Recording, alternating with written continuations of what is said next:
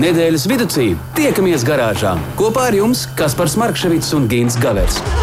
Saprotamā valodā par dažādām ar automoto saistītām lietām, transporta līdzekļa lietošanu no iegādes brīža līdz pārdošanai vai pat nodošanai metālu uzņos, kādu spēkratu izvēlēties, tā remonts, iespējamās pārbūves, riepas, kopšana, negadījumi, amizanti atgadījumi un daudz kas cits.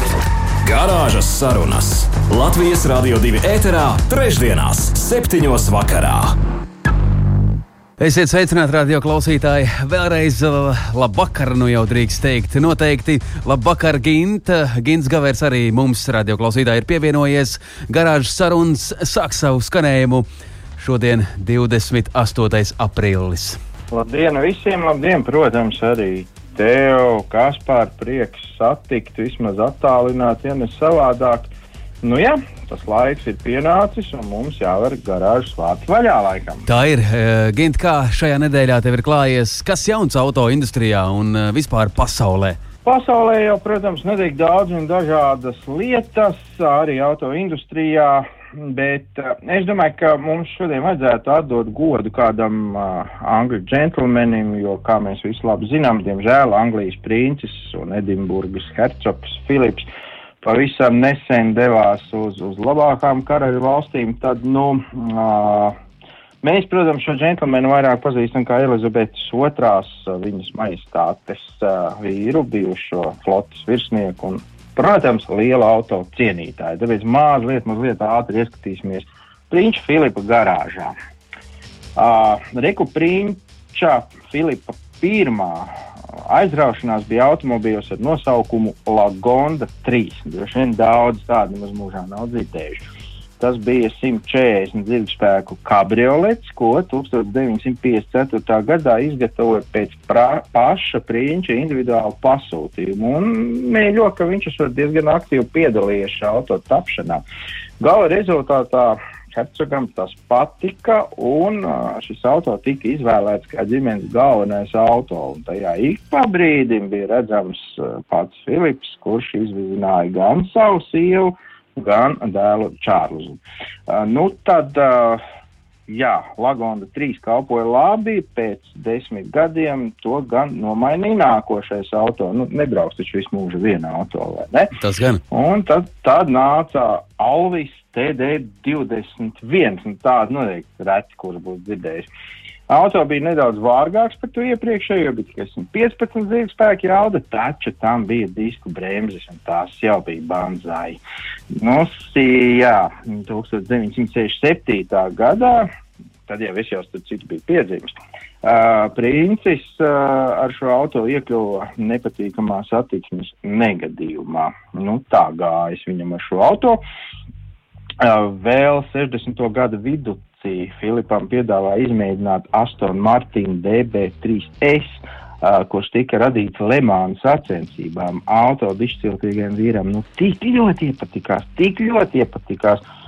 Taču personiskā lietošanā tas tomēr mm, Prinča garāžā nenonāca, un ar to vēlāk sacensībās brauca tāds leģendārs vīrs, vīrs kā Kerols Šelbijs.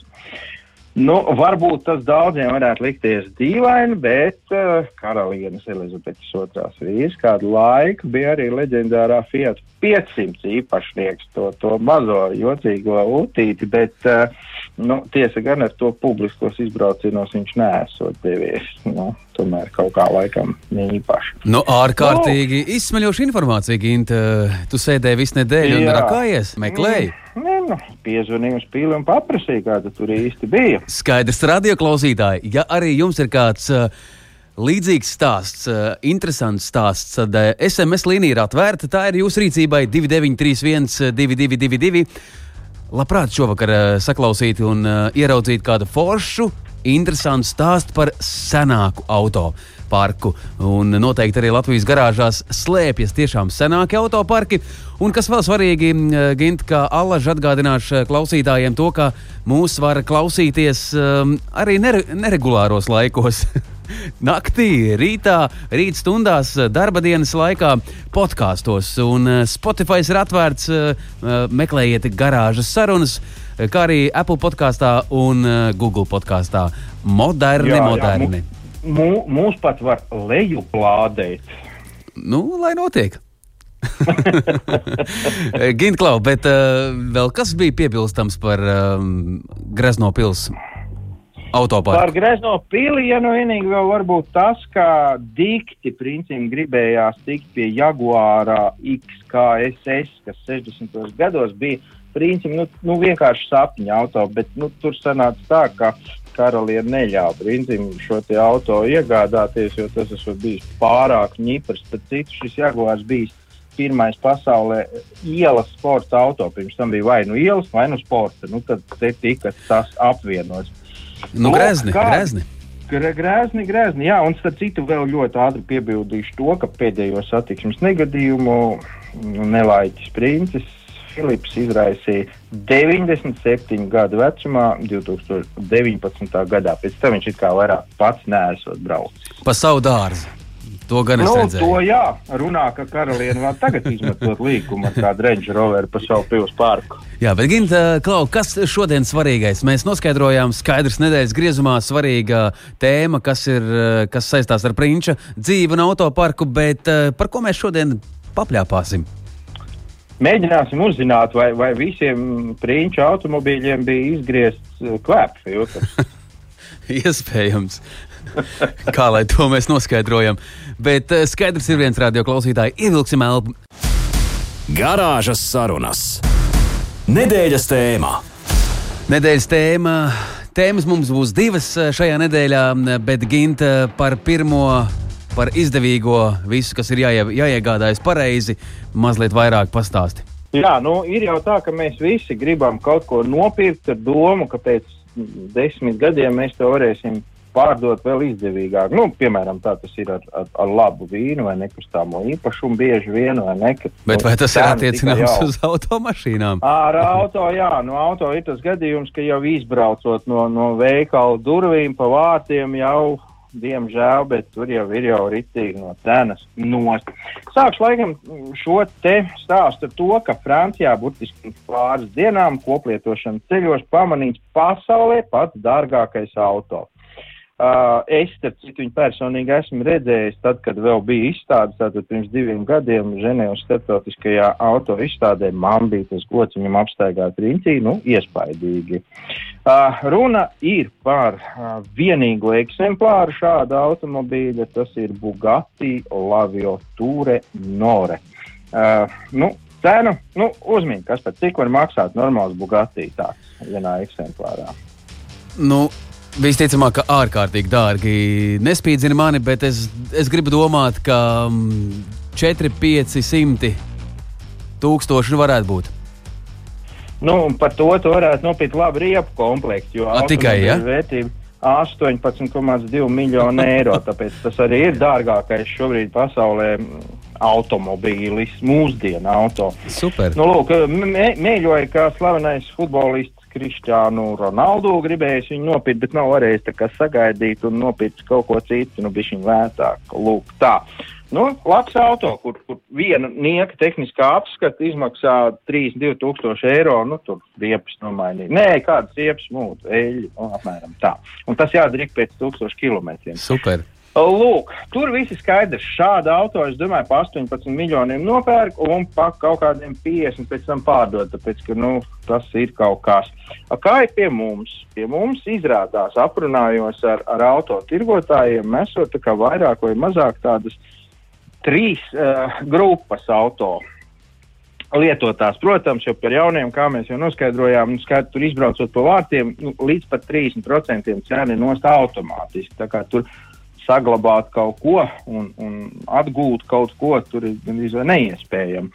Bet uh, nu, tad izrādās, ka piemēram tā pirmā grupa, kas ir vis, vis, vis pieprasītākā Latvijā, tā ir plus mīnus no kaut kādiem 1700 līdz 3,5 tūkstoši eiro, un tas vecums tiem auto ir no 2001 līdz 2005 gadam.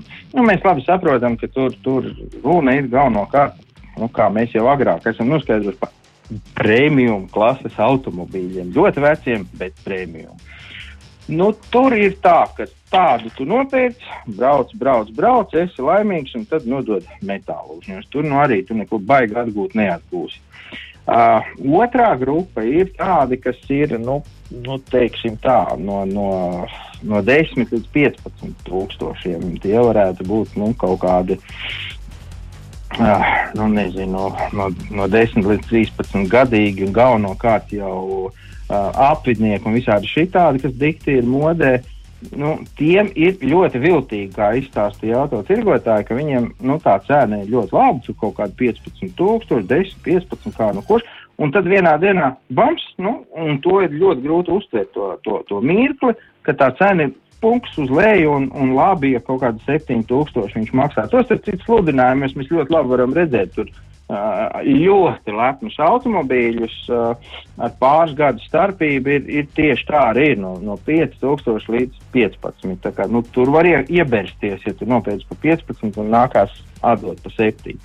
Bet pēc eksperta domām pats izdevīgākais auto, ko mēs varētu iegādāties, ir tāds, kas maksā plus mīnus no 5 līdz 8 tūkstošiem. Un uh, tie, lai cik tas nebūtu dīvaini, pie mums ir paši nepopulārākie.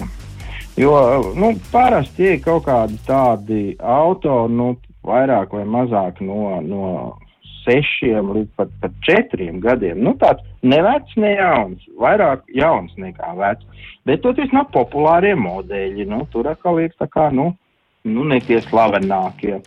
Bet, uh, reku, man pat tādu piemēru pateica, ka, piemēram, ja tu nopērci uh, 16. gada automobīlu, nu, tas taču nav vecs, vai ne? Nu, galīgi vecs nav. Vai Ja tu gribi manas domas nu. dzirdēt.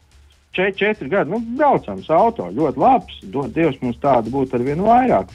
Tu viņu nopērci par septiņiem tūkstošiem, tu divus gadus brauc, un tu viņu pārdod par sešu ar kapekām. Tā kā faktiski tu, tu trīs nezaudē. gadiem Pār, tu, tu kaut kādu nepilnu tūkstošu zaudē, un tas, ir, nu, tas jau ir izdevīgi.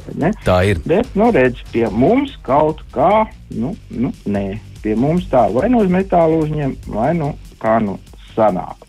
Rekā mums ar to visu. Nu, nekas, nekas, ir. kā ir, tā ir.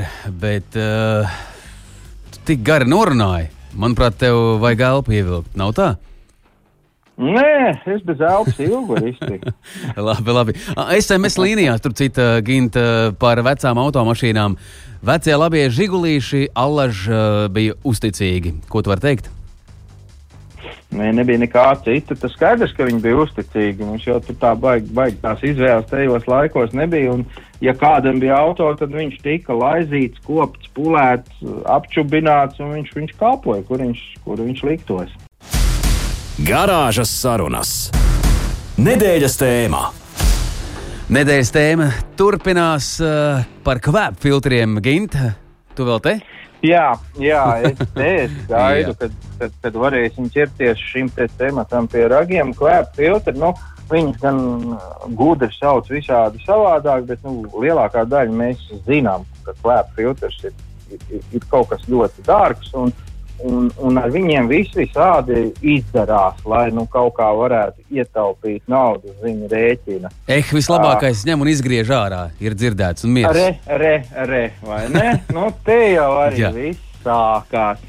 Un, uh, nu, droši vien, ka katrā servisā katrs meistars pateiks kaut ko savādāk, kuram tur ir roka piešautāk, kurš tur teiks, nē, ja nejēdz programmēt, labāk nedarīt. Vai, nu, tas viss ir skaisti, bet redzi, ir jau arī kaut kādi noteikumi bez visa tā. Tas gan. Un es domāju, ka neviens labāk par šiem noteikumiem nezinās, kā mūsu pašu Latvijas ceļu satiksmes drošības direkcijas uh, tehniskās uzraudzības nodaļas vadītājs Jānis Liepiņš, kuram mēs varētu piezvanīt un tad tā arī paprasīt, var griezt ārā vai nevar. Var vai nevar? Labvakar, Jāni! Labvakar visiem! Ko drīkst griezt Sveiki. ārā un ko nē? Jā, uzreiz tā, tā kā ar, ar, ar, ar akmeni papīri, vai, vai drīkst griezt ārā vai nedrīkst. Nu, jūs jau uzdevāt tā jautājumu, vai drīkst zakt vai nedrīkst zakt. Nu, skaidrs, ka zakt nedrīkst. Nu, tieši tāpatās ir arī ar, ar lietām, kas ir automobīlim uzstādītas no drošības vai ekoloģijas faktoru ietekmes. Tad, ja tās ir uzliktas virsū, tad tās dod kaut kādu labumu. Ja vai nu tās dod labumu automobīlim, vai tās tās dod labumu uh, cilvēkiem, kas uh, teiksim, pārvietojas pa ielu, gājējiem, uh, vienkārši iedzīvotājiem un tā tālāk. Vai arī, protams, uh, šo, šiem te visiem satiksmes dalībniekiem arī rada drošības sajūtu. Nu, tad, ja mēs runājam par uh, šo te DPF cieto daļiņu vai klēpu filtru, vienalga kā to sauc, tad ir skaidrs, ja automobīlim tas ir uzstādīts, tad griezt ārā to nedrīkst. Mm -hmm. Ir kā skaidrs. Jāni, bet Mēs laikam mm, visi diezgan labi zinām, ka, nu, man, manuprāt, Latvijā nav dikti daudz automobīļu, kas vecāki tur pa kaut kādiem sešiem, septiņiem gadiem, kuriem tie vērķi vēl ar vienu ir iekšā.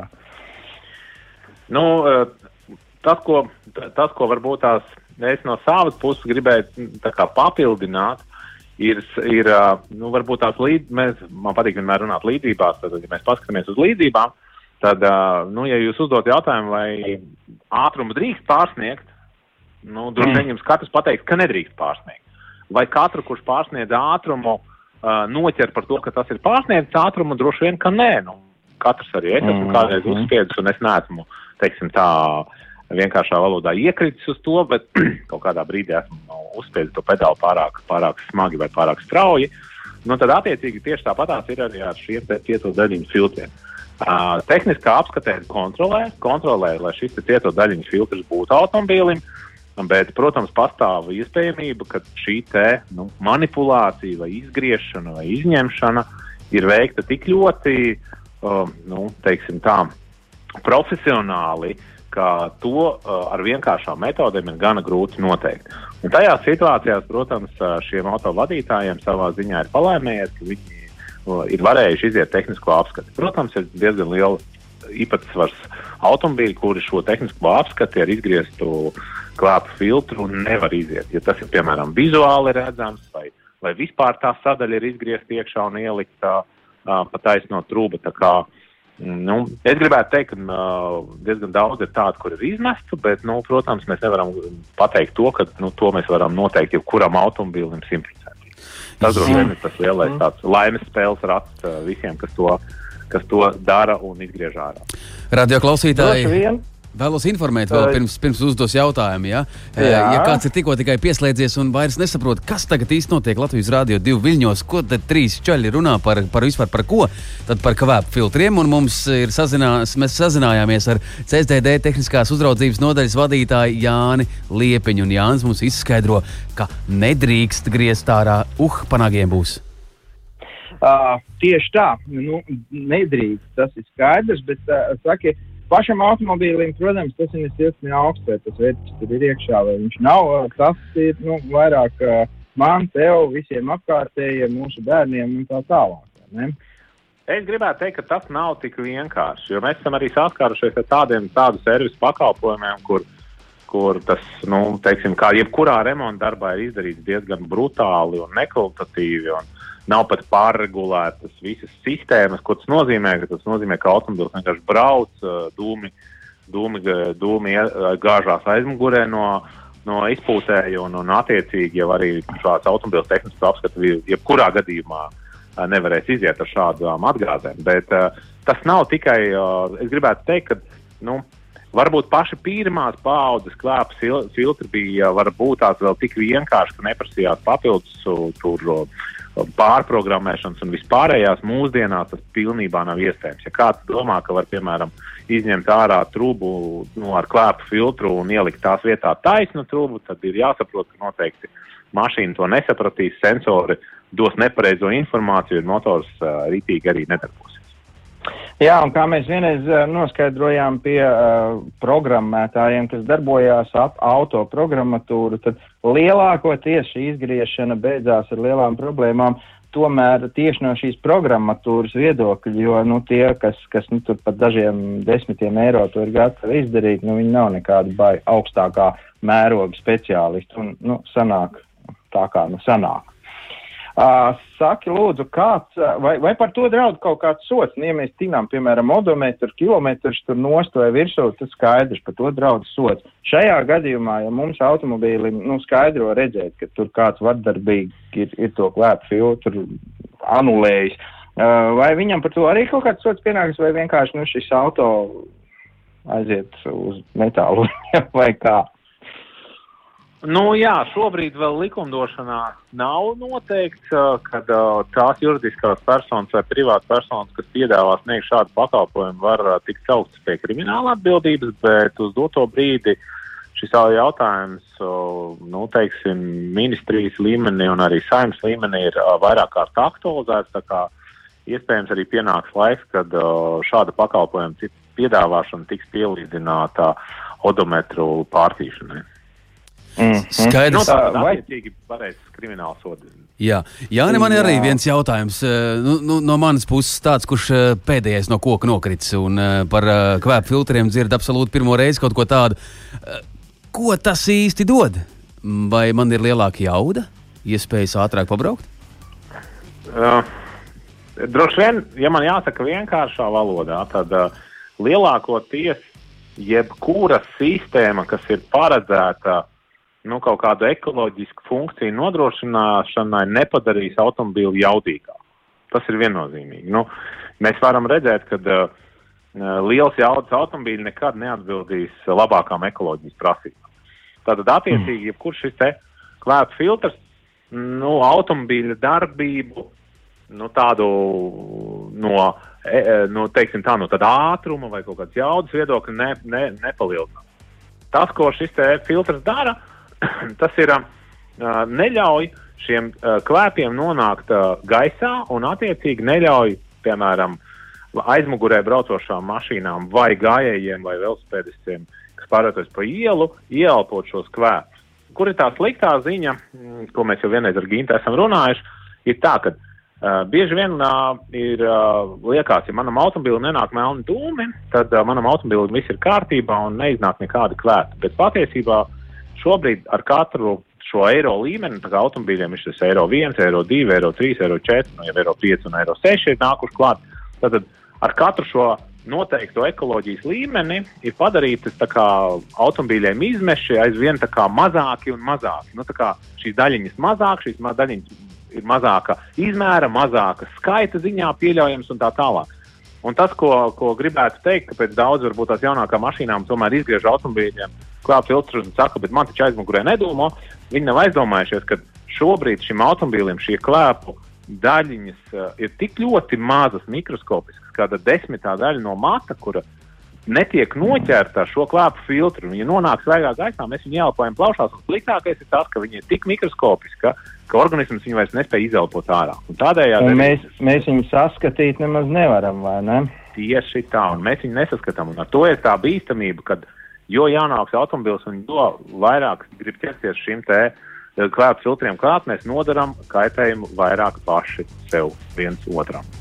Lielisks stāsts. Jā. Jā, tas ir tieši tik vienkārši. Jā, ražotājs ir paredzējis šādu lietu. Viņš to nav izdarījis tikai tāpēc, ka nu, ne, nebija ko darīt un izdomāja, ah, nu ieliksim mēs tur vēl kaut ko iekšā. Nu, tam ir kaut kāda nozīme, un pie tā mums noteikti vajadzētu pieturēties. Paldies, Jānis, milzīgi liels, kā bija gatavs padalīties. Jānis Liepiņš, radio klausītāji, CSDD, eh, tehniskās uzraudzības nodaļas uh, vadītājs. Jāni, paldies, ka dalījies. Mēs gandrīz līdz medicīnai nonācām ar šādu runāšanu. Tā kā brīnišķīgu vakaru, elposim svaigu gaisu, lai arī jūs mājās mierīgi un rāmi. Paldies par sarunu! Atā! Paldies! Atā! Atā. O, tā, Gint, Klau! Uh, Redzēji, būs nu, jāpārsauc. Jūs zināt, kas tas ir par pa zvēru, vai ne? Jā, jā, es uh, kaut kur biju dzirdējis, ka izgriež un tad var kā, ātrāk, ašāk un nerīstās tā automašīna. Jo tas kvēpa filtrs dažkārt kā, iebremzē to uzsākšanu. Nu, Gaisa tiek izlaists cauri, kas tur notiek, ja, un tad aiziet. Bet, nu. Jā, es, es vēl varu papildināt šo stāstu ar to, ka tehnoloģijas arī iet uz priekšu. Un, protams, izdzirdot vārdu klāta filtrs, mēs visi sākam skaitīt lūkšanas, jo šis mēsls ir nu, tik dārgs, ka maz neliekās. Un, un, nu, dažam labam automobīlim tas varētu būt pat uh, līdz pāris tūkstošiem eiro. Tāpēc ir nu, skaidrs, ka visi grib kaut kā to apiet. Bet jāsaka, ir, kad ir piemēram, nu, vismaz Latvijā pieejama tāda lieta kā šī kvēpa filtra profesionāla mazgāšana. Un, un es domāju, ka tas ir daudz prātīgāk nekā jaukties iekšā autoprogrammatūrā, kaut ko arī fiziski zāģēt ārā un ņemties. Tā kā nu, tas ir tāds ieteikums no manis. Turklāt jāsaka, ka patiešām profesionāls šāds uh, nu, pasākums, šāda anulēšana vai, vai um, izņemšana, izgriešana maksā diezgan lielu naudu. Protams, ne tūkstoši, bet arī nemaz. Nu, Par nopietnām tēmām šovakar mēs esam aizvirzījušies. Kaut ko nenopietnu mazliet uh, gribētos. Tāpēc uh, viena dziesma, padomāsim par meitenēm. Un tad uh, es aizkadrā centīšos sazvanīt uh, mūsu viesi uh, par sarunu tā gadās. Mums tāda rubrika ir radio klausītāji par to, kā tad īsti gadās mūsu pašmāju uh, ļaudīm ar automašīnām. Šajā reizē mēs zvanīsim simtai debijai. Bet nu, mēs esam nonākuši līdz rubrikai Tā gadās, un šajā reizē radio klausītāji mēs jau minējām, ka zvanīsim simtai debijai. Kas runās? Tas nu gan ir skaidrs man, un atklāšu to arī jums. Šajā vakarā garāžas sarunām pievienojas Agris Semevits. Agri, labvakar! Nu, Labvakar jūsu klubiņās ar priepām, ā, akumulatoriem un ā, eļas kanām. Parētai kāda meitene arī parādās. Bet nu šovakar nav. Arī meitenes. Jā, Mums meitenes uz garāžu pašam jāņem savējās līdzi. man, man jau liekas, ka garāža tā ir tāda ļoti tāda, nu, stingra vīru štēle, cik vismaz es esmu filmāts redzējis, jo teikšu godīgi, man nekad nav bijusi garāža, un, un, un līdz ar to es eh, šobrīd tiešām pie jums jūtos kā absolūts ciemiņš bez pat eh, īpašas saprašanas, kā garāžā jāuzvedās. Tā kā Nekas, nekas. Mēs pakoriģēsim. mums var kā grib. Ah. Jā, absolūti kā grib. Eh, Bet, uh, Agri, nu, es jau tev jautāju, zvanot aizkadrā, m, kas feins un amizants tavā dzīvē ir gadījies ar autolietām. Un uh, Latvijā, ne tikai Latvija, ir šķērsot ārkārtīgi dažādos līkločos. Padalies ar radio klausītājiem, kas tavā pieredzē ir. Nu, es tā pašķirstot uh, visas savas iek iekšējās atmiņu klādes, atradu tādus uh, trīs notikumus, divus senākus, vienu varbūt mazliet tuvāku, uh, kurus varbūt ir vērts akcentēt. Protams, ka lielākā daļa ar visiem auto notikumiem nu, saistās ar kaut kādām um, neprātībām, kas droši vien laimīgi beigušās, uh, jo tad, kad viss notiek kā pa diedziņu, to jau mēs parasti neatceramies, un tā ir tāda ikdienas norma, un, un, un, un, un, un tas varbūt arī nebūtu nav tas interesantākais stāstāmais materiāls. Taču, nu jā, savulaik, savulaik kad aktīvi darbojās simtā debija, mēs savos pirmajos gados eh, aktīvi braucām ar lielo turistu komplektu, ar lieliem autobusiem, bet tad, tad gan Latvijā mainījās uh, ekonomiskā situācija, mēs pārgājām uz tādu stipri ekonomiskāku versiju un um, stūrējām paši. Un lielākoties es braucējis eh, pie stūres biju es, jo man ir tāds niķis, ka man ir ļoti grūti sēdēt kādam blakus, kurš brauc, jo es uzskatu, ka es pats braucu priekš tevis vislabāk. Un tad es jūtos, jūtos, jūtos visdrošāk, bet, bet varbūt tas ir nevis tāpēc, ka es esmu baigi labais braucējs, bet tāpēc, varbūt, ka es esmu, esmu mazliet bailīgs, jo man, nu, tā, man pašam patīk kontrolēt to situāciju, un es tā baigi tā vienam īpaši neusticos. Nu, tad, lūk, tad, eh, tad bija tie laiki, kas tad, tad bija mums pa gadu, nu, 90 no gadu beigas patiesībā. Um, man bija automašīna Volkswagen Scirocco, tāds maziņš, tāds balts uh, Volkswagen sprizeklīts, kas, uh, kas uh, bija mūsu koncertu transporta līdzeklis. Mēs tur braucām pieci cilvēki. mm, Mēs ar kolēģi pirmajā rindā un aizmugurē iesties trīs meitenes. Viņas gan bija tādas mazgabarītas, visas tā kā viņas tur trīs, visas satilpa. Un bija. Tāds diezgan intīms brauciens sanāk tajā mazajā auto. Jā, jā, jā. Nu, nu, viennozīmīgi, bet, bet, bet stāsts šajā brīdī varbūt ne par to. Um, Ziniet, kā 90. gada beigas, uh, nu, tur jau ar tām tehniskām apskatēm tur bija vēl diezgan brīvi. Un, un par tādām riepām vispār daudz cilvēku neko nedomāja. Brauc ar to, kas bija, un, un, un, un, un, un, un, un es ar tādas padomšu mazliet patrāpījos um, tajā savā garāžā, tā teikt, un um, ziemas, ziemas um, sākumā nokonstatēju, ka riepām protektors ir, uh, tā kā nākas. Un var mizot. Un, un, un, un, un tikai nepadomāju par to, ka tās man ir vasaras riepas ar, to labo protektoru. un, un, uh, es vēl šobrīd, kad reiz, kad es braucu um, pa Pleskavas šoseju, kurai līgas sākās tas lielais kalns lejā, es vienmēr uz viņu tā noskatos no augšas uz leju un tā domāju, jā, tas bija tāds labs brauciens, jo pusteris, slidens, tur, nu, pilnīgi zeme debesīm griežas kopā, tā mašīna jau uz, uz taisnas vietas nestāv vietā ar tām vasaras riepām un, un, un mēs tādā mierīgi, nu tā mierīgi, es, tā, nu, es jau, nu tā ļoti tā prātīgi braucu, bet, nu, tas kalnīši tā kā bija šī piebremzēt, nu, kā ziemā es jau zinu, kad, nu, tik daudz, kad, nu, kad, nu, ar, ar bremzēm uz jūsu un tik ar ātrumiem, un tā, kad no 5 ātruma ieslēdz 4. Tā mašīna tā kā sāk uz grāgu slīdēt, uzreiz no kalna lejā braucot. Labi, palaid to sajūgu vaļā, izripīt, iztaisno no kaut kā. Ātrums aug no tā kalna braucot. Nu, es lieku vēlreiz tajā ceturtajā vai trešajā. Un šī vispār atkal gūta prom uz labo pusi, vēl tajā grāvī iekšā. Tā es sapratu, viss mēs būsim tagad nevis automašīna, bet bobsleja kamaras. Uh, izņēma mm. ārā, izņēma ārā no visiem robiem, kājas no pedāļiem nost, pieķēros stūrē. Un man liekas, vairāk ar tādu, nu, tādu emocionālo spēku. Es to mašīnu tā arī no tā kalna novedu lejā. Un tad es tā pamatīgi sabijos, es sapratu, ka ziepes ir liels, ka kaut kas, nu, nav īsti, jo slīd tā kā ne, nu, nu, tā neprātīgi. Un tad es atceros, ka tur pie, pie katra kalna, pie kura mēs piebraucām, es augšu apstājos un ar pirmo ātrumu sāku braukt lejā. Un tā mēs, un tā mēs toreiz braucām. Un, starp citu, braucām mēs toreiz um, pie, pie, pie Ralfa Rubeņa, tranzīta uh, Ralfa Rubeņa, viņam stāmerienā tajā laikā bija klubs, un mums tie klubā bija jāuzstājās. Un, un tā kā, tā kā mums tā. Bet ar pirmo ātrumu arī tikāt līdz galam beigās. Nē, nu, mēs bijām mājās, tikām pēc tam vēl viss bija kārtībā. un pēc tam vēl visu ziemu nobrauc. Zinu, man liekas, ka tā arī bija. un, tad, un tad kaut kad martā es atceros, es iesēdos savas draudzenes mašīnai pie stūres, kurai bija šipi. Un es nesaprotu, oh. kā, kā, ka, kad arī tā var braukt. Jā, tas var arī tā izrādās. Jā, var arī tā izrādās. jā, jā. Nu, tas ir līdzīgi. Var arī apausāt bez zeķiem, un var, var, var, var ar. Jā, tā kā nu, var, ir jāizdomā. var, var arī vilkt apaus bez zolēm un tikai ar zeķiem. jā, nu tā, tā gandrīz vai jums tur bija sanācis. nu, un kā nu, jā, šodien? Tā kā, jā, tas bija tas bija tāds ekstrēms jā, pasākums, kurš laimīgi beidzās, bet es tiešām joprojām to kalnu atceros, atceros to sajūtu, ka tu saproti, ka, kad, nu, kad nu, neko darīt vairs nevar. Tā mēs ripojam lejā, un tad galvenais ir, nu, tā, nu, cik nu vien veiksmīgi tur lejā nokļūt. Un, zin, kā, vēl fūras vēl nāk pretī, un viss kaut kas tur, zin, kā, sīkla Leskaus šosei, ja tur tā nopietni. Tā kā, jā, nu, un agri, kā, kā šodien, ar ko šodien pārvietojies? Ar uh, riteni, ar kājām, ar auto? Ai, ai, es, visādi, es visādi māku. Es esmu gan uh, kājām gājējis, gan, gan, gan velobraucējs, gan autobraucējs. Vienīgais, kas man nepatīk, tie ir motocikli. Es to pasaku godīgi.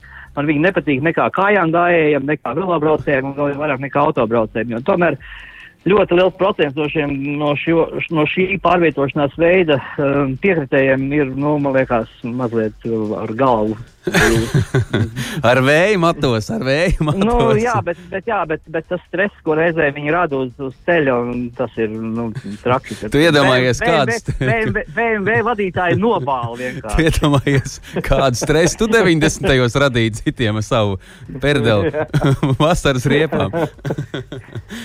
jā. Nu, brīnišķīgi, radio klausītāji. Vēl joprojām aizkadrā nē, bet uh, mūsu uz tiešās līnijas ir um, Agris Mēvics, simtās debijas. Uh, es gribu domāt, dibinātājs un uh, īstais tēvs, kurš vēl joprojām Jā. dzīvo kopā ar šo uh, grupas sajūtu un muzicē, un ik pa reizē kaut ko jaunu izšauj. Kad tad mēs varam gaidīt kaut ko atkal ņipru? Patiesībā es šobrīd esmu ļoti liels dilemmas priekšā, un, un, un es vēl neesmu ticis skaidrībā, jo šobrīd ir tapusi jauna dziesma, bet viņi tapa tik ļoti, tik ļoti lēni kopš, kopš um, pagājušā gada decembra. Šobrīd viņi ir uztapusi, un, Un, un, un lai kā es lieku kopā, man tomēr tas teksts ar šī brīža vasaras sajūtām neiet kopā. Tā kā es ļoti domāju, ka, darbie simtās nebijas fani, uh, jums būs mazliet jāpacieš, jo šo dziesmu, ko mēs šobrīd esam ierakstījuši, viņas ar citu saucas satelīts, viņi ir ierakstīti jau šobrīd, viņi ir praktiski jau samiksēti, viņi ir tikpat kā gatavi. Bet, kā jau es teicu, viņi totāli neatbilst šī brīža nu, tādām sajūtām. Viņi būs vairāk tās rudenī, tad, kad tie tumšie vakari mazliet nāk tuvāk. Tur būs kā, kā kulaks uz acis. Mēs patiesībā droši vien viņus lieksim muzikālajos seifos un, un, un, un, un vēl kādus, ja mēs sešus mēnešus viņu esam marinējuši, tad mēs pamarinēsim vēl kādus piecus. Lai notiek. Lai notiek. Nebūs mēs noteikti to visu gaidīsim, jo mums būs ko klausīties braucot automobīlī. Tev vēlamies teikt sirsnīgs paldies, Agris Mēvits, radio klausītāji, hip hipurā. Gaidīsim jaunumus. Paldies par autostāstu, aizraujoši, interesanti, visnotaļ forši. Lai tev foršs vakars! Atā! Atā! Atā, atā. Sakam, agrimā tā, nu, foršs stāsts klausies. Vispār tie jā, 90. Jā, man, nu. man, man tādas aizdomas ir, ka tie 90. tie ir kaut kādi trako gadi trakie labie laiki? Nebija tik traki, bija jautri.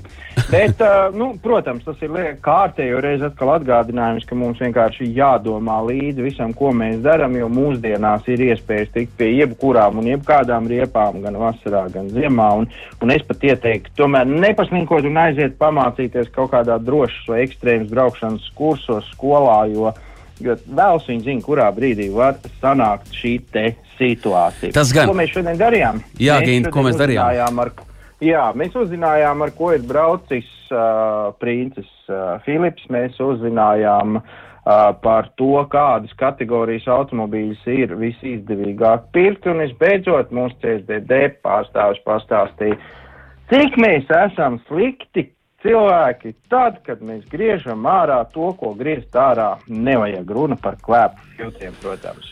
Tā tas tiešām bija, bet uh, nu, tādā vienā elpas vilcienā, ko mēs varam sagaidīt uh, maija mēnesī. Maijs būs klāt, maijs būs klāt. Šis ir aprīļa izskaņa. Mums gribētos siltumu kaut kādu, kaut nedaudz. Nu, Bet, uh, ja mēs runājam par mūsu garāžu, tad es domāju, ka ne visiem īsti ir skaidrs un ne visi īsti zina, kas ir atbūve. Par to mēs arī varētu parunāt. lai notiek. Radio klausītājs, sirsnīgs paldies, ka bijāt kopā, bet uh, vēl viens jautājums ātri, Gint, atbildēs uz šo. Pēc statistikas, cik ilgi jākalpo kvēlu filtram?